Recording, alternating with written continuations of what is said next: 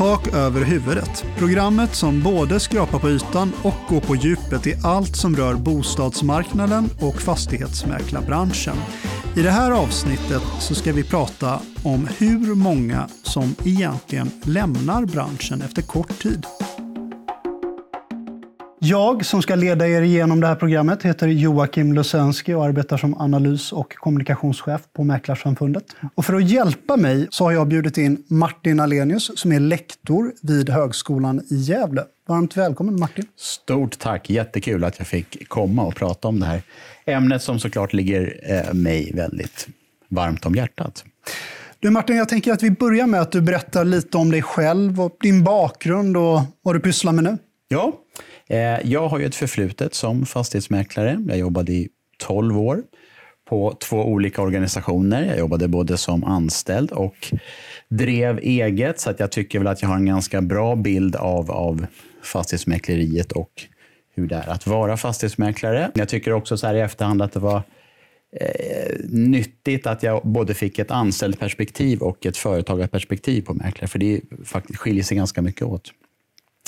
Eh, jag skrev min COD-uppsats för eoner av tid sedan om fastighetsmäklare också. Jag kände kanske redan då att det här med forskning är kul. Så att eh, någonstans i bakhuvudet fanns det redan då. Jobbade jag massa år som mäklare. Sen eh, eh, såg jag lite av en slump en annons faktiskt, där man sökte en doktorand som skulle fokusera på just fastighetsmäklare. Och då hoppade jag på det och de senaste fem åren så har jag då doktorerat och nu nyligen så har jag då disputerat och skrivit en avhandling om fastighetsmäklare. Kan du på ett sätt som eh, till och med jag begriper eh, förklara vad fokuserar du på i avhandlingen? Den fokuserar på eh, två saker. Dels hur länge fastighetsmäklare blir kvar i yrket. Och kanske ändå mer så fokuserar den på drivkrafter hos mäklare. Vad är det som gör att de blir kvar? Hur, vad är det för inre och yttre motiverande faktorer som, som finns hos fastighetsmäklare? Jag inledde med att säga att det finns en hel del myter. Jag har hört det mesta. Hälften lämnar inom två år, en tredjedel inom fem år. 80 procent av kvinnor som varit registrerade i eh, som mest två år lämnar branschen. Ja, det florerar en massa uppgifter. Kan inte du hjälpa mig som verkligen har undersökt frågan och reda ut här nu då. Vad är egentligen rätt? Vad kan vi säga? Vad vet vi? Ja, precis. Vi gjorde en studie där man tog, vi tog alla mäklare som registrerades och avregistrerade under tio år. Och så följer man varje sån person och sen får man då ut ett, ett snitt hur länge man är kvar som mäklare helt enkelt. Eh, och då ser det ut så att det tar tre år innan 30 procent är avregistrerade. Och det tar åtta år innan 50 procent är avregistrerade. Och skulle man göra det som en kurva från så att säga, när du registrerar dig och framåt i tiden så är den ganska, den är ganska rak den här kurvan, mm. vilket är ganska intressant. Eh, sen ser man då den här studien gick bara ut på att beskriva exakt hur livslängden ser ut. Det vill säga, vi kan inte med hjälp av den studien besvara varför det är så. Ja. Eh, utan den är bara rent beskrivande. Men det är ändå intressant därför att man ser ganska tydliga könsskillnader i den studien. Och man ser det framför allt när när mäklarna har varit registrerade någonstans runt efter åtta år, då ser man att männen är kvar i större utsträckning än kvinnorna. Väldigt intressant. Så det får vi gräva vidare i fortsatta studier. Ja, men det, för det är uppenbarligen så att det, det, har eh, varit en del, funnits en del myter eh, som omgärdas av detta. Men jag vill ändå på något sätt liksom, fortsätta borra lite i den här frågan om det. Vi talar ju ändå trots allt om människor som eh, läser en eh, faktisk inte minst med, med internationella jämförelser, eh, eh, lång utbildning. Eh, man utbildar sig till ett yrke, till en profession på ett annat sätt än om man läser en teoretisk eh, eh grundutbildning där man kan liksom gå lite olika vägar. Mm. Eh, är, det, är det inte ganska mycket ändå? Då, om jo, man ska vara kritisk? Kan, ja, så kan man ju se det. Och man kan ju se det som att Eh, Eh, det är ett, ett samhällsproblem på så sätt att om vi tar de här 30 procent som har försvunnit inom tre år. Det är ju kanske på ett sätt ett större problem. Därför att det är personer som ändå har valt att lägga väldigt mycket tid. Samhället lägger mycket tid på den utbildningen och så väljer man i alla fall att lämna efter relativt kort tid. Eh, men sen som sagt så får man väl säga att det är tycker jag i alla fall i paritet med andra yrken. Så att det är inte så att det som yrke sett har sämre liksom, livskraft än andra yrken så att säga. Mm. Mm. Men däremot är det helt klart fortfarande ett problem. Framförallt mm. som sagt de här första åren tycker jag. Och de skulle ju vara intressanta att titta vidare på. Vad är det som gör att du väljer mm. att lämna ett yrke efter så kort tid? Så man, man, kan se det som att det finns en positiv eller negativ kraft som drar dig till att göra någonting annat. Det vill säga, vill du göra någonting annat eller tvingas göra någonting mm. annat? Mm. Och här i början, de här första åren, så är det hemskt om det är så att det är många som tvingas att göra någonting annat. Så det är en intressant fråga. När man talar med branschföreträdare så upplever jag att det är många som talar om förväntningar eh, och att eh, unga människor som läser till mäklare och kommer ut i verkligheten efter några år eh, har snedvridna eller felaktigt ställda förväntningar på yrket som sådant. Ehm, nu är vi då inne i spekulationsområdet snarare än det akademiskt rigorösa. Men, men du som är verksam och som undervisar också och träffar många fastighetsmäklarstudenter. Ehm, har du någon, någon eh, bild av det? Jo, men jag, jag, tror att det ligger väldigt mycket i det. Att, att, att eh, media visar gärna upp en viss, viss typ av mäklare som är lätt att ta till sig. Kanske framförallt för, för yngre människor, att det är så det ser ut i yrket. Och det blir ju väldigt det blir fel när man går in i ett yrke med, med, med den bilden och tror att det är de förutsättningarna som, mm. som gäller för alla. Och så visar det sig efter ett tag att så är det ju faktiskt inte alls. Mm. Och det är väl inte helt otänkbart att tänka sig att det är en del av anledningen till att man slutar de här första åren. Att det blir, det blir en krock, så att säga. Din uppfattning om yrket skulle vara stämmer inte alls med hur det faktiskt är att jobba i, i yrket. Mm. Eh, och det är lite det som avhandlingen också försöker nyansera, så att säga. Vad är, vad är det för drivkrafter hos de som har varit verksamma länge, så att säga. Och att den, jag hoppas att den bilden ska nå ut till blivande studenter, att man får sig en mer, en mer nyanserad bild mm. än, att, än vad vissa kanske tv-program visar upp. Mm, mm. Jag tolkar det ändå som att det finns en överrepresentation eh, av, av, eh, kvinnor i den här studien som ni har tittat på i alla fall, eh, som lämnar. Ja, ja i alla fall att, att, att eh, om man tittar på den här studien så ser man att kvinnor har det lite svårare. Så att säga. De har lite lägre överlevnadsgrad. Ja. Och sen så kommer vi till det här ty tydliga breaket, så att säga, när man har varit eh, verksam sju, åtta år. Där så att ja, överlag så är det lite svårare för kvinnor. Men återigen, det kan, ju vara, det kan, vara, det kan finnas positiva dragkrafter till andra yrken eller så mm. tvingas man till, till andra mm. yrken. För branschens arbetsgivare, ser du att den här omsättningen är ett problem?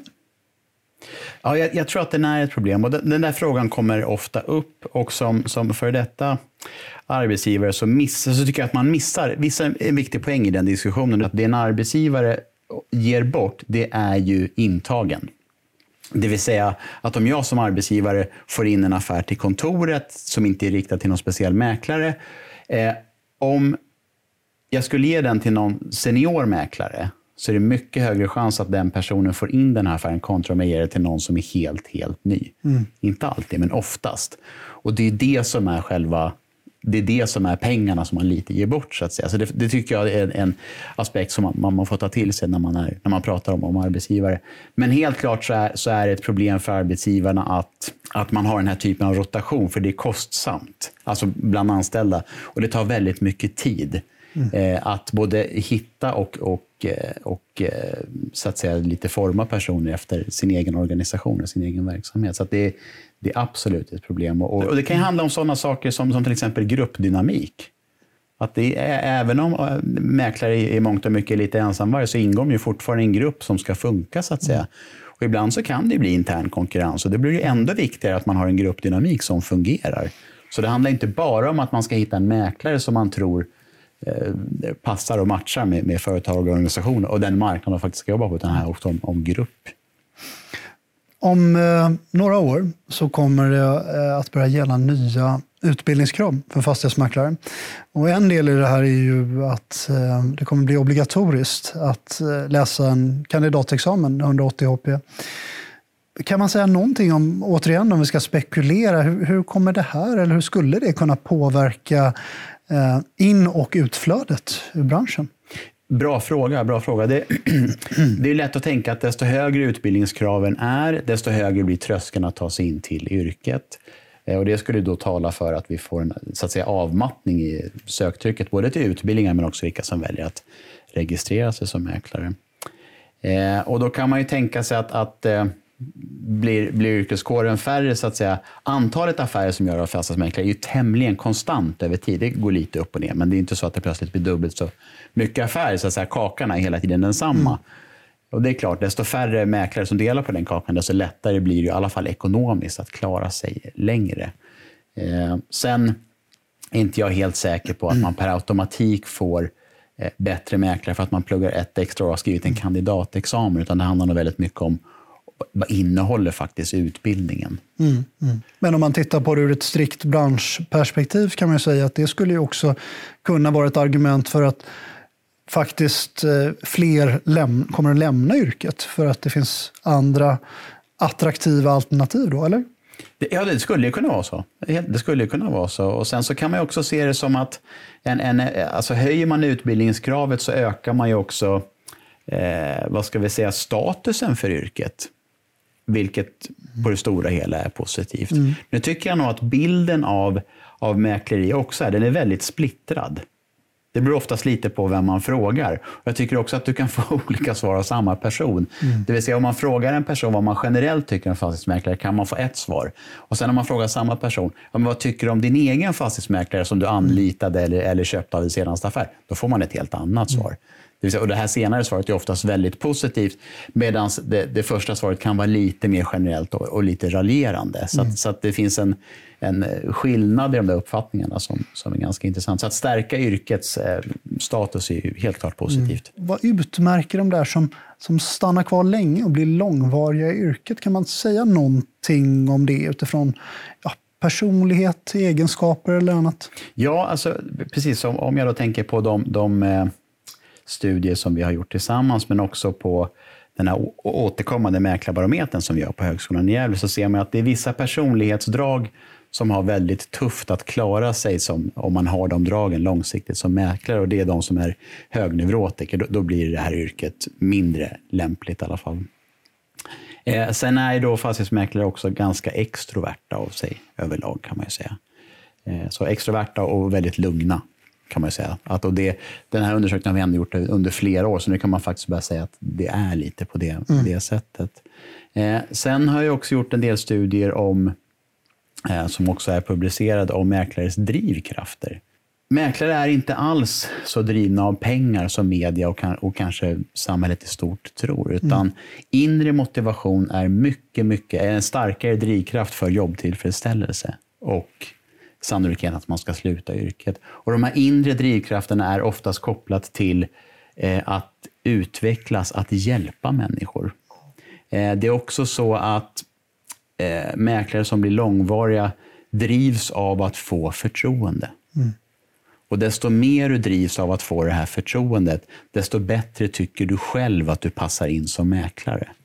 Det är också intressant. Så att den här liksom nyansera den här bilden av drivkrafter och kanske som, som arbetsgivare då mer tänka på, för de inre drivkrafterna är det som kommer göra att du är långvarig, inte de här yttre som, som du tillfredsställer lite snabbare. Så sen försöka matcha de här inre drivkrafterna hos en person med vad yrket faktiskt innebär. Till exempel så tror jag rent personligen att, att du kan säkert lära dig att jobba med människor så att det i alla fall funkar, så att säga. Men du kan inte lära dig att gilla det. Och eh, mäkleri handlar ju jättemycket om interaktion med människor. Och gillar man det, tycker att det är kul och kanske framför allt har du inga problem att ibland hamna i ganska känsliga situationer med andra människor. Det vill säga du kommer hem till, till, till dödsbon och skilsmässor och, och allt möjligt. Att, tycker att sådana situationer är väldigt jobbiga, då är inte det här ett passande mm. yrke för dig. Sen behöver man inte liksom älskar de situationerna. Alltså, det är inte det jag menar, men jag tror bara att det där, det där är en viktig faktor. Mm. Eh, och Sen tycker jag också att man kan säga att, att det bör nog finnas ett, ett inre driv i de som blir långvariga. Ja, hur fasen vet man vad man har för inre drivkrafter och för arbetsgivaren? Då? Hur, hur undersöker man det? Jo, men man kan, det finns ju till exempel personlighetstester som, som är schyssta och validerade. En, en sån är ju Big Five till exempel. Och de, finns ju på nätet som man kan göra själv. Då kan man ju se, är jag introvert eller är jag extrovert och så vidare. Då, då kan man ju få sin egen bild av att av hur, hur, hur väl matchar jag så att säga med den stora massan av mäklare. Och sen det här med vad man egentligen tycker att arbeta med människor kan man nog faktiskt svara på själv också om man är lite, lite ärlig mot sig själv. Mm. Eh, och sen eh, drivkraften handlar mycket mer om att du kan påverka hur mycket du tjänar. Pratar man med högpresterare så är det det som är, det är, det som är drivkraften. Inte exakt vad summan är, utan att om jag gör någonting extra så får jag någonting extra. Mm. Sen tror jag också att man som arbetsgivare ska söka personer som hela tiden vill utvecklas och som gillar att tävla. Och tävla för, i alla fall de högpresterande som jag som har intervjuat, det handlar inte så mycket om vad alla andra gör, utan det handlar om dem själva. Det vill säga, om jag sålde för så här mycket Q1, då vill jag sälja för lite mer Q2. Sen vad, vad de runt omkring sålde, det är inte lika intressant, utan jag vill bli bättre, jag vill utvecklas.